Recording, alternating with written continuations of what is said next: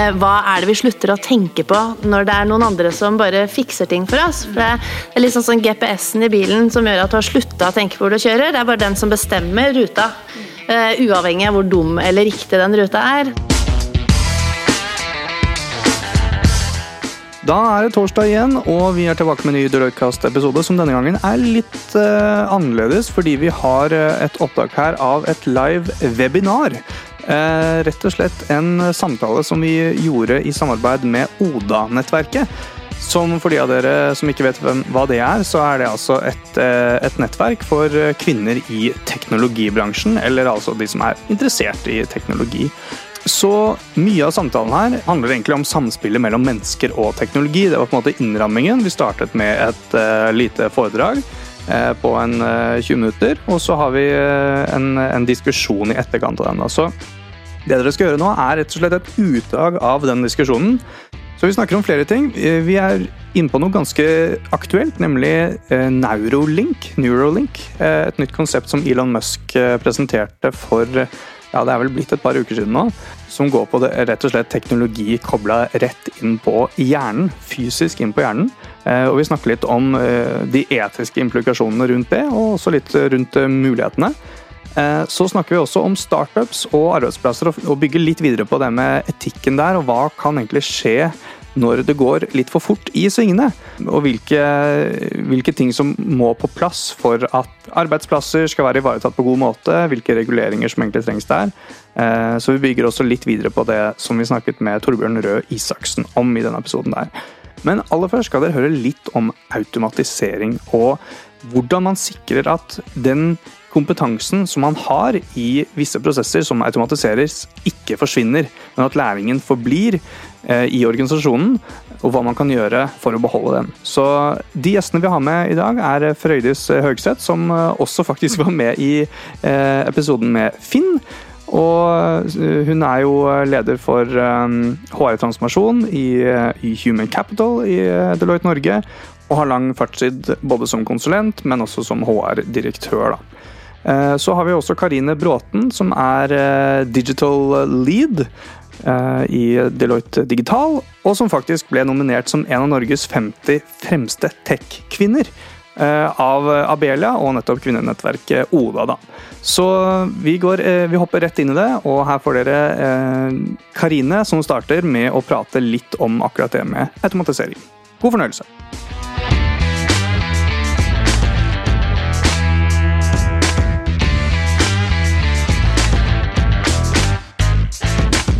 Vi snakket jo litt om hvordan, eh, hvordan, eh, automatisering på en måte har vært at man skal automatisere hele roller. Og det er klart at Hvis du automatiserer en hel rolle som blir borte, så forsvinner jo også på en måte den rollen med kunnskapen den hadde ut av, ut av en avdeling eller ut av en bedrift. Men det vi kanskje har sett, er vel at det veldig sjeldent er en hel rolle som automatiseres. Det er deler av en rolle uh, som kanskje ingen syns var så veldig morsom likevel. F.eks. å flytte data fra et system til et annet. Det var som dull dirty. dull dirty eller dangerous, som uh, jeg likte. Så dette er jo sånn typisk doll, som er det mm. første man har begynt å automatisere. Og det har også vært det enkleste, fordi at automatisering også hindres av datakvaliteten og selskapene. Mm. Så akkurat det med robotisering og få eh, et system til å snakke med en annen, og at den plottingen ikke skjer manuelt, det var på en måte første steg. Mm. Så det er ikke sånn at kompetansen bare forsvinner ut selv om vi eh, automatiserer ting? Akkurat den plottingen den tenker jeg at ikke gjør noe at forsvinner. men, Nei, men, men, så lenge ikke hele rollen forsvinner, er vel eh, det du ja, begynte med å si. Men ja. det som er interessant, det er litt sånn som jeg har vært inne på, at hva skjer når vi ikke må tenke på en plottingen lenger? Mm. Eh, og vi har jo eh, kunder som gjerne vil se at den jobben blir utført selv om den ikke gjøres manuelt. Så da bygger man jo opp displayer hvor man kan sitte og se på at roboten jobber, for man vil jo vite at jobben blir gjort. Mm. Uh, så dette er jo litt sånn nytt. Uh, og så er det dette med Eh, hva er det vi slutter å tenke på når det er noen andre som bare fikser ting for oss? Mm. For det er litt sånn, GPS-en i bilen som gjør at du har slutta å tenke på hvor du kjører. Det er bare den som bestemmer ruta. Mm. Uh, uavhengig av hvor dum eller riktig den ruta er. Så det er, uh, så det er nok et sånn faremoment med læringen. At man mister jo en del av rollen sin også, som går over i en eh, automatisert prosess som man ikke helt vet hva gjør. At man nesten stoler for mye da, på eh, maskinen, kan du si, og, så, og glemmer litt å tenke kritisk om dette er dette riktig vei, da, hvis det er GPS-analogien vår. Skal vi mot nord, eller Ja. skulle vi egentlig Å ja, vi endte opp i Trondheim, liksom. Og er resultatene av det denne maskinen nå gjør, er det riktig? Ja. Mm. Ikke sant. Noen må kunne stille de kritiske spørsmålene. Ja, Fordi du nevnte vel i presentasjonen, Frøydis, at uh, vi som mennesker har jo fortsatt ansvaret. Ja. Selv om det er en, eh, noen andre som har utført akkurat uh, Ja. delprosessen. Det er veldig vanskelig å delegere bort ansvar. Det, det, det strever vi faktisk med. Og jeg tenker jo det at um, at dette med kritisk tenkning Jeg ble sittende og tenke litt på det nå, for det er jo usedvanlig viktig i denne sammenheng. Og jeg tror jo at det Vi blir kanskje litt med Vi blir litt late, kanskje, i tenkningen vår. Vi blir kanskje litt ukritiske eller mindre bevisst. Så eh, det tenker jeg jo også en sånn utfordring til teknologien. Da. At den må også kanskje klare å håndtere våre eh, feil og mangler litt. At, eh, hvor ofte skal du ta en avsjekk med noe som er automatisert, for å sikre at eh, Eller når du har maskinlæring, hvor ofte skal det ligge liksom, eh, risikostyring eller momenter inni der som gjør at du faktisk sjekker at det foregår riktig. Eh, Det er kanskje en ny jobb, da. I fremtiden. Ja, Ja. sant. Hva kan kontroller gjøre noe annet? Yes. Jeg tenkte på um, For fire år siden eh, så hadde vi uh, Jason Rowe på besøk her i vår andre episode av denne podkasten hvor vi snakket om robotisering. Og vi sa at eh, 30, 30 av arbeidsstokken skal uh, potensielt sett forsvinne. Da, når vi er. Og så har vi kanskje ikke helt sett den konsekvensen. Samtidig så ser vi at uh, Google og Facebook og Tesla og alle disse gjør jo dritkule ting på AI hører kanskje ikke like mange eksempler på det fra Norge og Norden. Hva, hva kommer det av? De hadde ikke legacy. Ikke sant? Skal, mener jeg tipper at disse, altså I Oda-nettverket så tipper jeg at det er veldig mange som har lyst til å jobbe med maskinlæring, med AI, gjøre de kule prosjektene. Og så kommer du inn til kunden og så skal se på dataen, og så er den ikke der. Sånn at dataen er ikke på et nivå hvor man kan verken gjøre deep learning eller, eller få fornuft ut av maskinlæring før du har et dataprosjekt. Eh, Så det meste av alle disse spennende mm, automatiseringsprosjektene eh, slutter liksom litt sånn på den databiten, og det tar mye mye lengre tid enn man tror. Du må begynne å rydde i dataene og få inn systemer som gjør at du får dataen på en måte som kan brukes. dokumentere. Mm. Eller starte på nytt, Ja. som du indirekte var inne på. At eh, det er noe å ha en fresh start som er en kjempefordel. Ja, det er alltid, det, alltid en fordel, det, da. Mm. Ja. Så lenge ikke du har masse data du kan finne, da, fordi det er jo mengde data også man er avhengig av. Ja. Uh, Og det å ha en riktig mengde data på riktig format, det er, eh, det er på en måte det hinderet man må over. ja, ikke sant. Et av de. Ja, liksom, det funker ikke å rydde klesskapet hvis alle klærne uansett ikke passer? Er det kan det være en slags analogi? Jeg bare tenkte på min egen da, funker det veldig bra. Du kan i hvert fall ikke si noe om liksom, hvilke klær i mitt klesskap passer deg, hvis ikke du vet hva du har i klesskapet ditt. Nei, ikke sant. Jeg må i hvert fall vite hva som er. Det. Ja. Nei, nå må vi bevege oss eh, bort fra den analogien.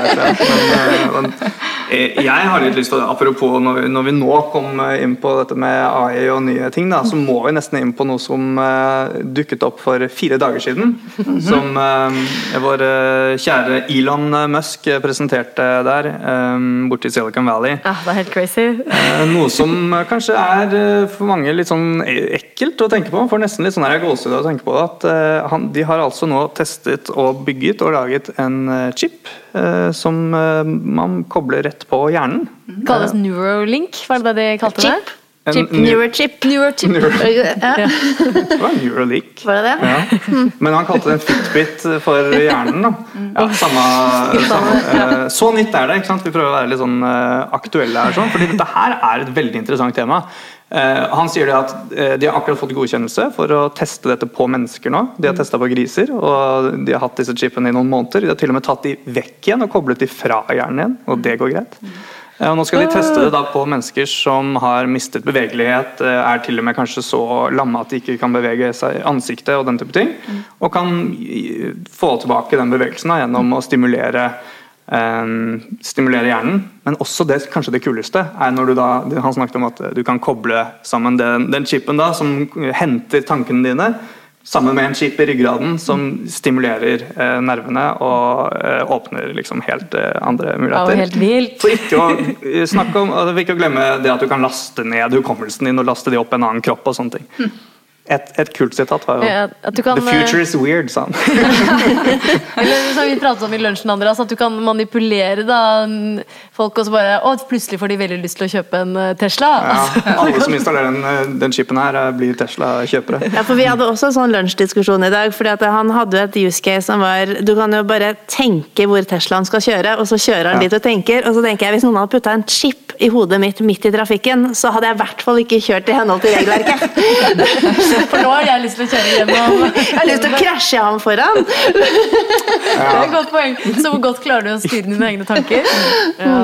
Impulskontroll på et helt nytt nivå. Men hva, hva tenker du om dette? her? Dette er jo banebrytende, rykende ferskt. Ja, jeg, altså, jeg reflektere litt havner til Noe av det er jo fantastiske muligheter for de som da uh, har et reelt behov for det. Altså, altså en tanke er jo elektrisk, så Mm. dette er jo eh, elektriske signaler som fanges opp. Så tenker jeg det, det er eh, Jeg kan eh, Du har jobbet litt i helsesektoren og sånn også, så at, uh, Ja, og så må jeg jo si i psykologistudien så har du jo også Der er du jo på preklinisk og jeg har respekt for en hjerne. Jeg har holdt i den. Jeg har selv skåret gjennom den og sett hvor er følelsessenteret, hvor er de ulike tingene. Så jeg har dyp respekt for det utrolig viktige organet.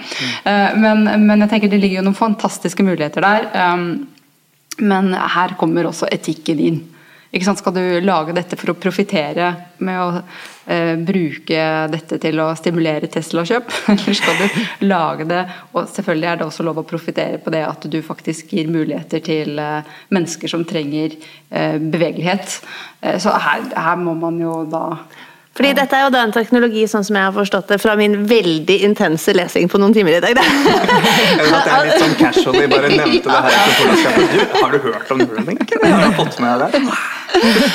Men han har jo tenkt å kommersialisere dette, så det blir jo en teknologi som er tilgjengelig for alle som, på samme måte som alt annet. Det vil jo si at eh, det etiske ligger jo hos, hos de som bruker dette. Ja, og da tenker jeg at Han har jo en stor brukergruppe, så kanskje ikke prisen trenger å være altfor høy.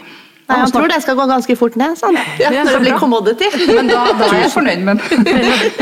Et par tusen dollar snakket han om. Ja. Men, eh, og det var jo et rekrutteringsevent, eh, så alle teknologifolk der ute er jo bare å melde sin interesse, for det var det som var hele poenget med, med den presentasjonen. Men eh, hvis vi skal, la oss dykke litt mer i den etiske biten her. Da. Vi kan ta den, altså, hva, hva slags utfordringer er det vi egentlig står overfor når vi, når vi, vi, vi, vi begynte jo introen her å snakke om uh, koblingen menneske og teknologi. Dette er jo tatt det Ja. helt til det ekstreme. Ja. Altså, her er du innom nesten det kanskje verste med teknologi. Ikke sant? Det er med en gang det begynner å gå med helse. Fordi at uh, veldig mange har lyst til å gjøre veldig mange forsøk veldig fort. Uh, men da er det, det er mennesker involvert, og det er en helt annen type risiko. Eh, så, så, så håper jeg at liksom ikke dette blir en sånn her Black Mirror-episode hvor folk går rundt med en chip og det går gærent. Eh, og uten at man helt vet hva som går galt. Da.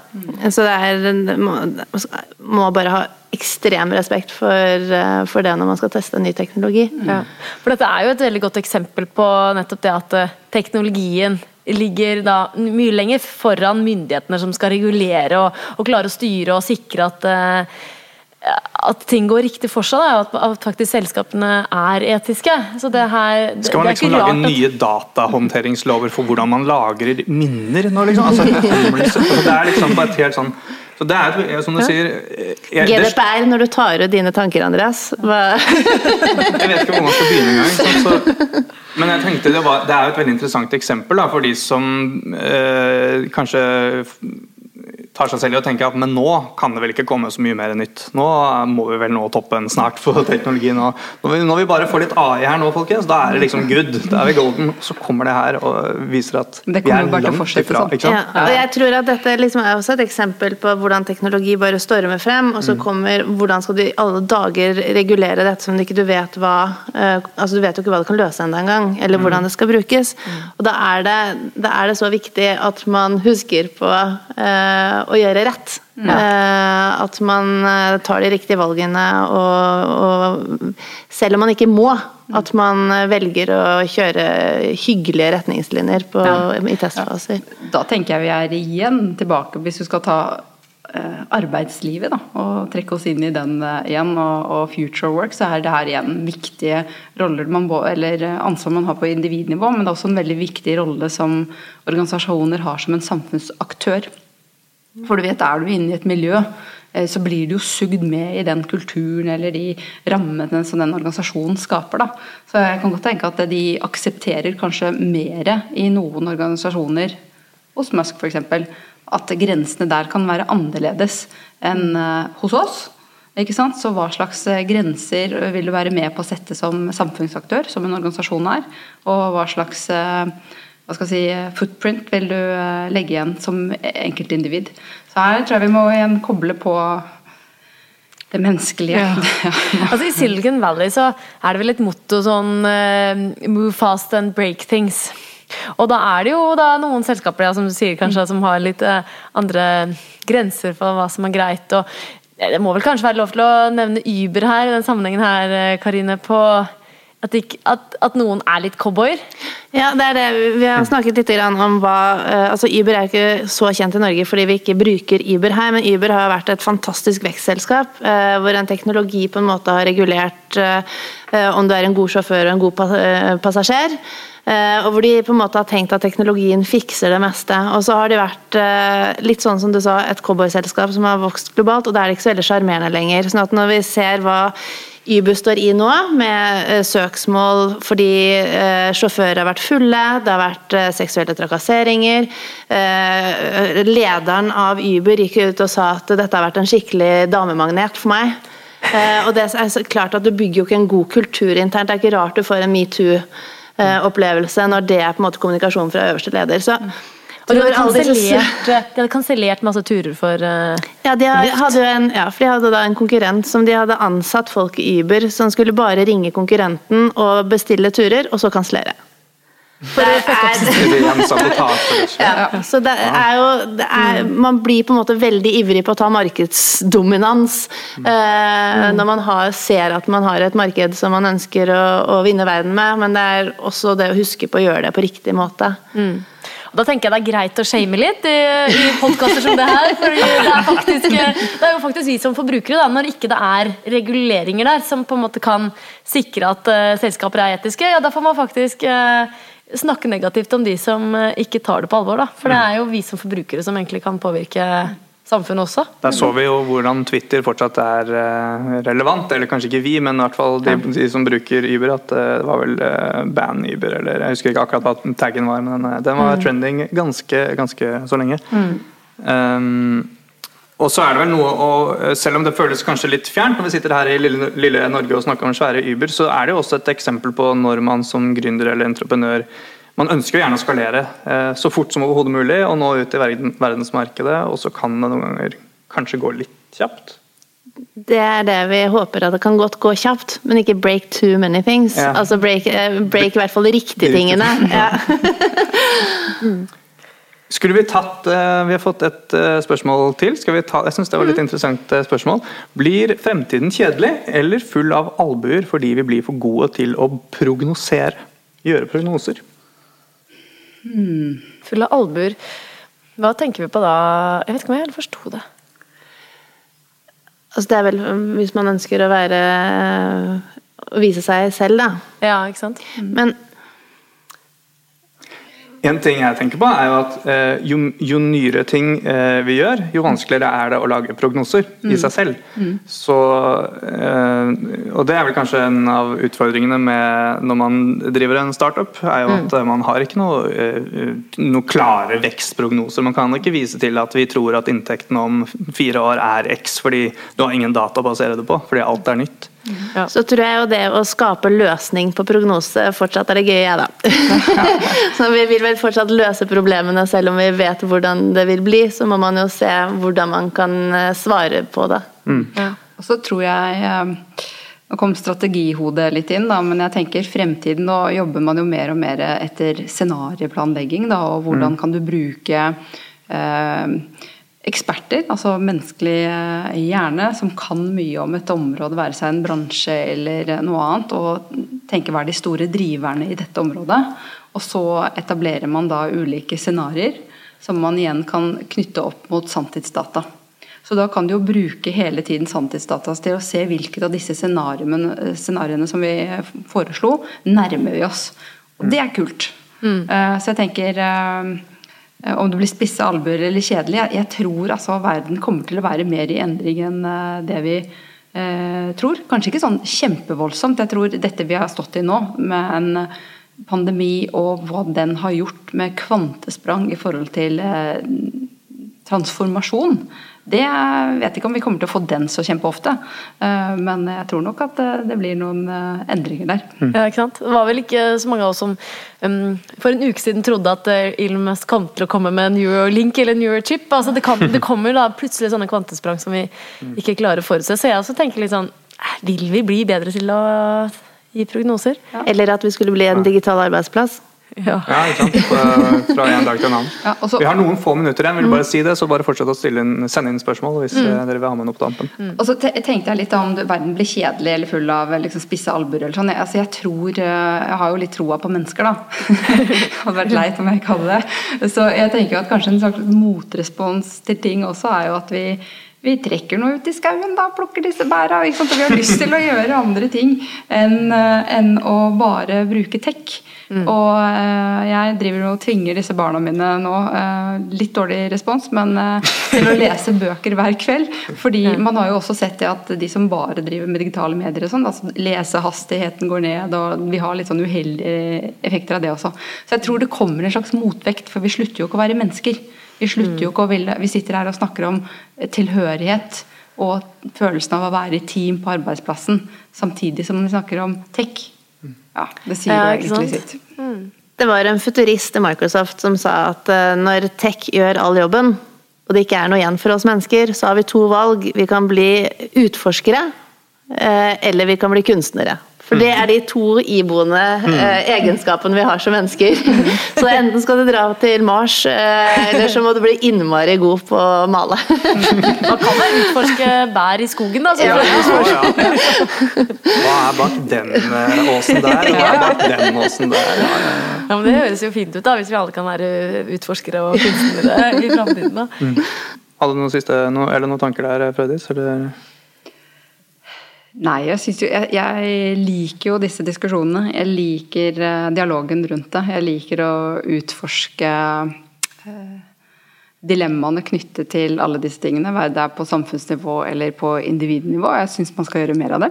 Ja, jeg syns man skal tenke godt på hvordan man kan bruke teknologi til det gode, og hvordan det kan spille oss egentlig ødelegge for Altså, hver, hvert nye produkt kan jo brukes både godt og dårlig. Mm. Og hvordan forholder vi oss til det. Og så tror jeg egentlig det blir omvendt av albu. Jeg tror det blir mangfold. Fordi at, øh, verden går framover, og vi kommer til å på en måte se at vi blir ikke bare flerfaglige, men vi blir også mangfoldige, autonome team. Mm. Og det vil si at du er avhengig av å kunne samarbeide med noen som er veldig ulik deg selv. Uh, og i det så tror jeg ikke det ligger albuer. Jeg tror du må bli veldig god til å åpne. Mm. Um, jeg tenker Det her var en veldig fin, sånn framtid, positiv eh, framtidsscenario eh, uh, fra dere her på slutten her. Avslutte på en liten high note eh, der, rett og slett. Ja. En liten positiv eh, vri. Helt fra hjernechipper som styrer hva vi tenker, til at nei, det blir spennende det her, altså. Det kom et siste spørsmål. Rekker vi det, eller? Kan dere si noe om frogjump-ledelse? Er det en som spør? Ja, det, har ikke, det, har ikke, jeg hørt om, dessverre. Nei, har ikke jeg heller. Nei, kan det være noe sånn hvis du putter en uh, frosk i et uh, varmt vann eller kaldt vann, og hva skjer, hva skjer, da? Det kan være noe knyttet til det, men ja. Ja, ikke på null minutter. Ja, dessverre. dessverre ikke helt kjent med det begrepet. Men jeg tror vi runder av der, rett og slett. Og så sier eh, tusen takk for at dere kom og prata med oss, og ikke minst eh, tusen takk for alle dere som så og hørte på. Eh, det satte vi veldig pris på, og tusen takk for gode spørsmål underveis. Veldig enig. Det har mhm. vært eh, kjempespennende, syns jeg i hvert fall. Og håper det har vært veldig bra for dere der hjemme. Og mm. dere i panelet også, Fredis og Karine. Tusen takk. Og så kommer vi med ny Deloitte-kast-episode hver eller annenhver torsdag. Ja. Eh, Så det er også bare å følge med på. Ja, I morgen kommer det en episode. hva er det som kommer da? Det er vel faktisk Wellbeing med Frøydis. Da får vi Frø- Ja. Frøydis, en liten reprise på Frøydis. Men om et litt annet tema, da. Der, er vi, der har vi produktdirektøren i Finn med på, på laget Ja, til å snakke vi... om hvordan de dyrker well-being i Finn. Så det er spennende. Så skal vi prøve å få ut denne episoden også, da, Andreas. Så Ja, det føles som vi kan gjøre Det tror gjøre vi det. kan det. Så da kan man jo også, hvis dere har tenkt at dette var spennende, så kan man jo spre det til noen man kjenner. Det var hyggelig. Ja. Ja, da tror jeg vi sier eh, hjertelig takk for i dag, og ja, vi høres. ja, det får vi si. Vi høres. Ha det bra. Ha det.